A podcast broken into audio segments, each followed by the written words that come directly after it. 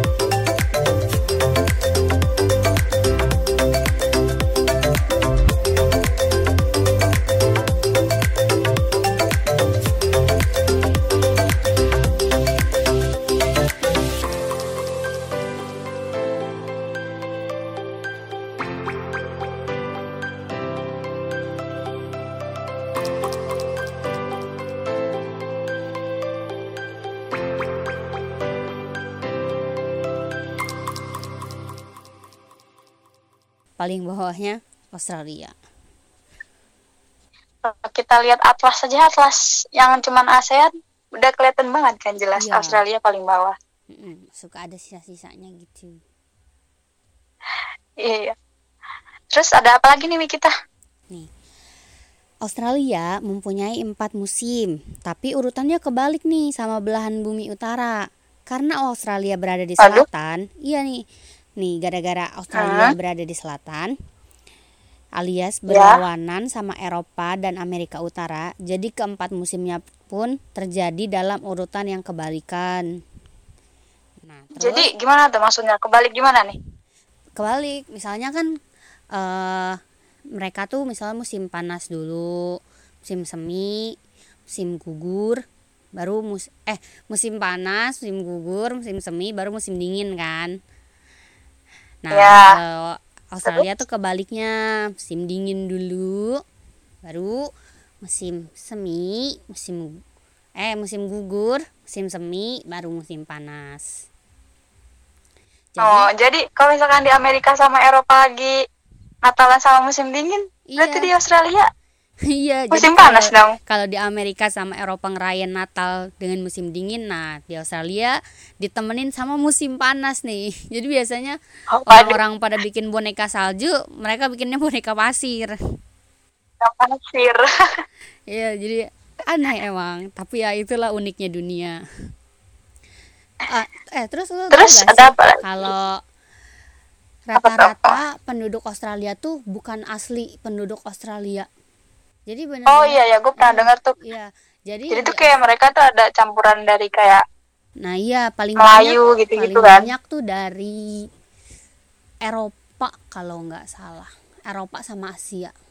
Jadi mereka tuh darah aslinya justru jarang gitu. Nah, Iya ya. hmm, tapi ada tuh di situ orang-orang aslinya. Gue agak lupa sih namanya. Cuma ya, mereka tuh biasanya dihormatin banget sama pendatang-pendatang di sana. Sama pendatang. Iya. Hmm. Karena kan mereka penduduk Penduduk Asli- aslinya gitu ya. mm.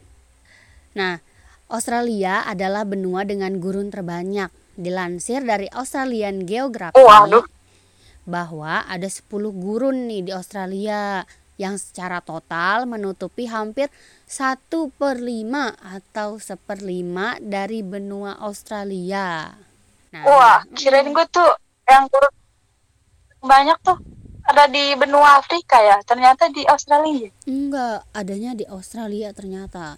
Nah, gurun Australia ini Mhm. mencangkup seluas 1.371 km persegi atau 18% dari luas daratan Australia. Kebayang nggak tuh?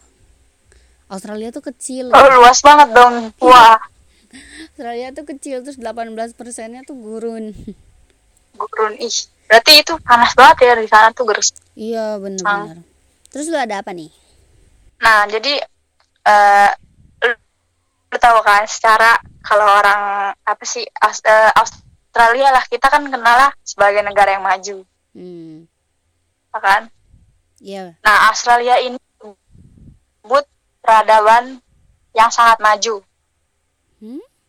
Dalam nih kutip dari US News Australia tuh dimasukin ke dalam peringkat lima besar dunia sebagai negara atau wilayah terbaik di dunia karena tuh saking majunya teknologi sama SDA SDM-nya tuh mereka apa sih getol banget gitulah Hmm. Wah, iya sih.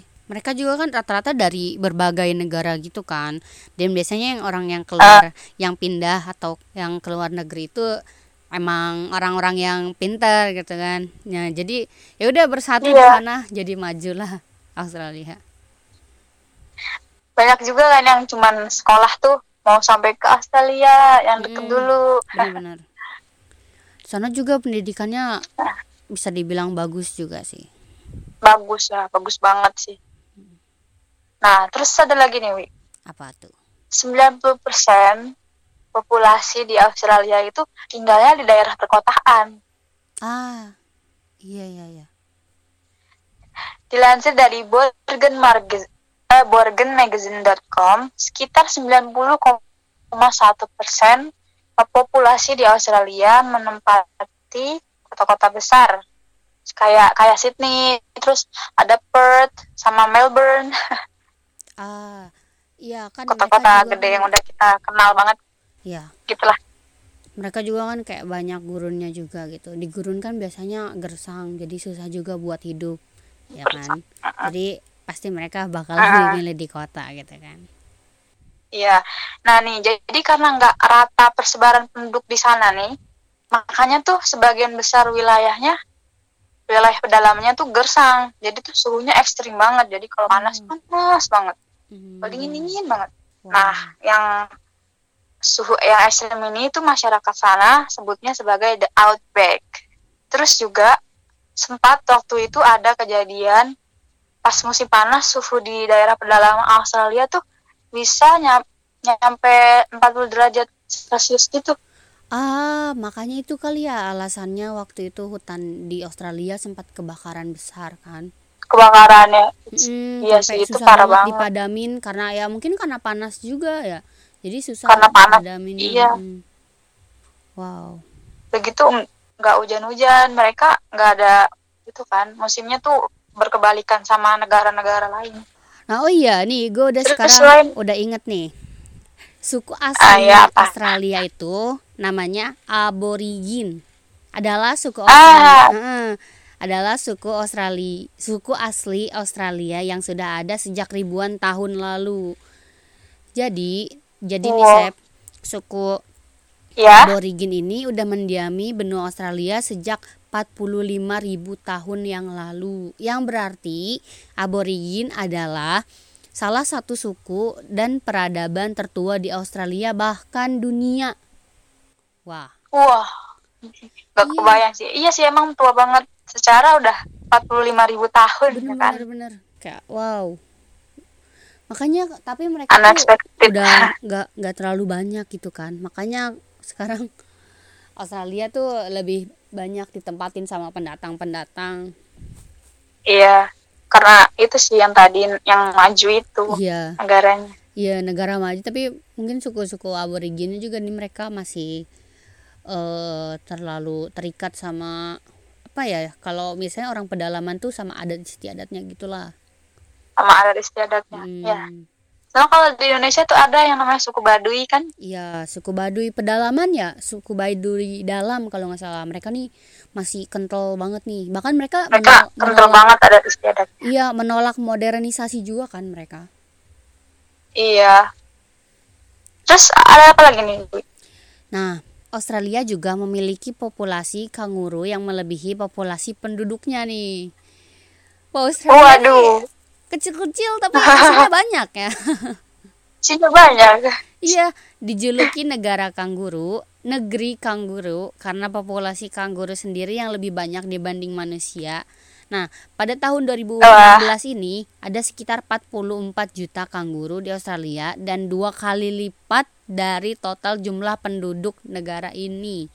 Pada tahun 2009 Gila. Jumlah populasi hewan berkantung ini masih dalam kisaran 27 juta.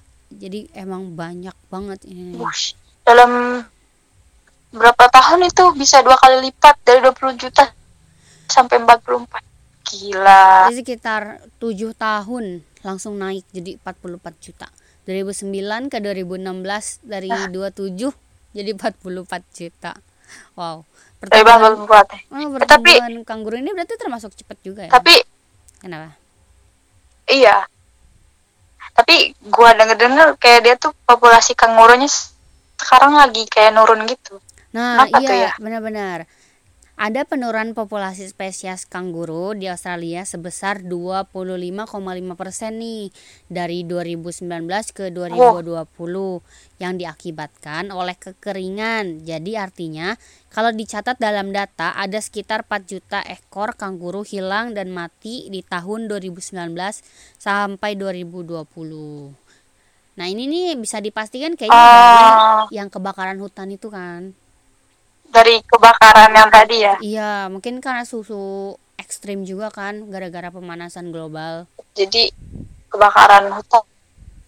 Terus kan kayak hewan-hewan itu kan pasti tinggalnya di hutan-hutan kan. Iya, pedalamannya aja mereka kan 40 derajat gitu loh. Pedalaman loh itu. Harusnya kan adem. Terus adem ya, harusnya banyak pohon adem. Iya, tapi mereka tuh panas banget.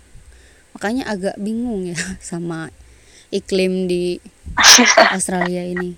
Mungkin karena dampak pemanasan global juga kali ya, makanya Pemanasan jadi- global. Hmm, pemanasan global ini emang berdampak banget sih. Kalau nggak salah kemarin juga ada tuh hewan dari Indonesia yang terancam punah gara-gara pemanasan global. Wih, hewan apa tuh?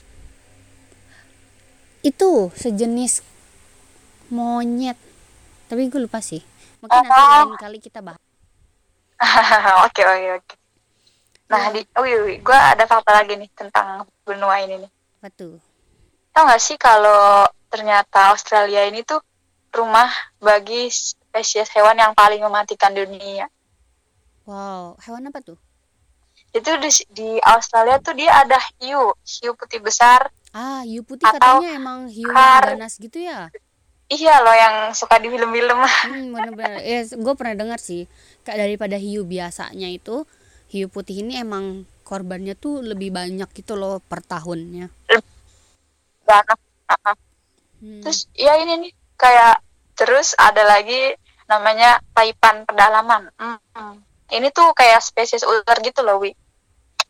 Terus dia tuh bisanya bisa bunuh manusia hanya dengan satu gigitan, satu gigitan. Kita udah udah bisa hilang nyawa. Wah, Wah, tapi ular tuh emang gila sih, soalnya dulu pernah lihat nggak sih yang eksperimen nyampur darah sama bisa ular? Darahnya tuh langsung jadi jelly. Iya, darahnya tuh langsung jadi jelly. Jadi tuh pada saat kita kegigit sama ular kan racunnya masuk ya. Nah, waktu racunnya masuk Iya. ini, dia langsung ngebekuin darah gitu loh. Sedang- Sedangkan kan kalau peredaran darah di tubuh itu nggak boleh berhenti gitu. Kalau ya berhenti ya kita mati gitu loh. Mm-mm. Kalau Iya, nggak iya. lancar aja kita bisa mati gitu loh, gara-gara kita bisa mati iya loh. gara-gara oksigen yang nggak itu kan nggak tersalurkan dengan Nggak baik. lancar gitu. peredarannya. Iya benar-benar. Oh. Nah, nggak cuma hiu sama ular aja nih, Wi. Ada juga jenis spesies gurita cincin biru. Hah? Gurita cincin biru. Ya, jadi ini tuh hewan gurita ini tuh bisa buat tubuh manusia mengalami paralisis yang berujung kegagalan fungsi jantung dan organ pernapasan. Jadi Hmm. kalau kita kena seratannya, uh, udah. langsung mati. langsung dead. Iya. Yo, apalagi langsung dia ke organ inti ya, jantung sama pernapasan tuh. Wah, Iya, apalagi kan kayak jantung kalau kita udah nggak berdetak, udah iya. Makanya kayak jantung jantung tuh kalau penyakit jantung tuh kan penyakit yang mematikan juga di dunia kan. Paling mematikan nomor satu di dunia gitu. dan ini dia langsung nyerang jantung gitu. Wow. pasti sih itu kemungkinan selamatnya mustahil kayaknya ini kalau sekalinya kena. Jadi ini tuh apa ya orang sana tuh was-was terus kalau mau ke pantai kayaknya. Iya bener-bener. Serem juga ya padahal pantai-pantai Australia tuh digambarinnya kayak bagus wow, banget. asik banget gitu ya. Hmm, bagus. Asik. Iya. Gue juga pernah dengar tuh katanya pernah baca gitu katanya Australia tuh kayak termasuk terumbu karangnya paling banyak gitu loh. Hmm. jadi wah sayang banget kalau pemandangannya bagus-bagus tapi hewan-hewannya Iya di mematikan. Iya benar-benar di film-film juga sering kan tuh ya kepake banget tuh pantai-pantai Australia. Heeh sih bagus-bagus banget. Terus selain ada hewan-hewan terus juga ada tadi kita bahas iklim sama bahas penduduk. Nah terus ada apa lagi nih Wi? nah tau nggak sih kalau bahasa Indonesia jadi mata pelajaran di Australia? Wah baru tahu. Iya jadi salah satu upaya untuk meningkatkan minat belajar bahasa Indonesia di Australia dilakukan oleh Mulumbimbi High School, salah satu sekolah menengah di negara bagian New South Wales. Dilansir dari laman BBC News, sekolah ini mengundang beberapa siswa Indonesia melalui program Bridge Building Relationship Through Intercultural Dialogue and Growing en Engagement yang diselenggarakan oleh pemerintah federal Nah, program ini tuh membuka peluang bagi siswa lokal untuk belajar dan berinteraksi dengan siswa asal Indonesia yang merupakan penutur asli. Wah, jadi tuh, orang sana menghargai banget ya sampai Mm-mm. belajar bahasa Indonesia kita aja kadang bahasa Indonesia males-malesan Tapi ke kelihatan kan kayak kayaknya kalau misalnya kita ke Australia tuh nemuin orang Indonesia tuh gampang deh. Soalnya emang banyak loh orang Indonesia yang Gampang, ke ya. Australia tuh. Hmm. Nah, tapi nih sayangnya minat siswa di Australia untuk belajar bahasa Indonesia nih mengalami penurunan dari tahun ke tahun. Mungkin karena orang Indonesianya aja pakai Hmm. Inggris kan di sana. Jadi ya udah ngapain mereka harus repot-repot ya sekarang kan. sekarang kan apalagi sekarang bahasa internasional tuh kan udah tetapi kan bahasa Inggris ya jadi tuh Mm-mm. orang banyak belajar bahasa Inggris Iya. lebih Tapi- fokusnya ke situ Hmm, lebih mudah juga kan kalau bahasa Inggris tuh bisa ke mana-mana nggak harus sama orang Indonesia aja gitu. Lagian kan orang orang Indonesia Indonesia juga aja, iya. Australia mereka belajar bahasa Inggris dulu gitu loh. Harus bahasa lancar. Inggris Mm-mm, harus lancar dulu nggak nggak tapi kalau tiba-tiba langsung ke sana. iya eh tapi dulu eh, kan gue pernah nonton nih kayak talk show gitu ada yang bilang kalau kita ke Australia tuh kita bahasa Inggrisnya asal aja nggak usah pakai grammar gitu orang sana pasti ngerti Iya. Tapi nih emang sih kayak emang ya ba- bahasa Inggris kan bahasa internasional kan. Nah, tapi Ah. bahasa yang dipakai itu ya ya bahasa terbanyak di dunia yang dipakai itu bukan bahasa Inggris, tapi broken English. Iya, jadi bahasa bahasa Inggris yang salah gitu, yang banyak salahnya, yang paling sering. salah salah. Hmm, yang asal asal nemplok asal jadi aja. Itu bahasa yang, yang penting paling- orang ngerti. Iya yang penting ngerti. Nah itu bahasa yang paling banyak dipakai di dunia itu broken English gitu. Terus udah habis nih Wi kita Ah, nah jadi Ah, ya. guys sampai di sini dulu pertemuan kita di minggu ini.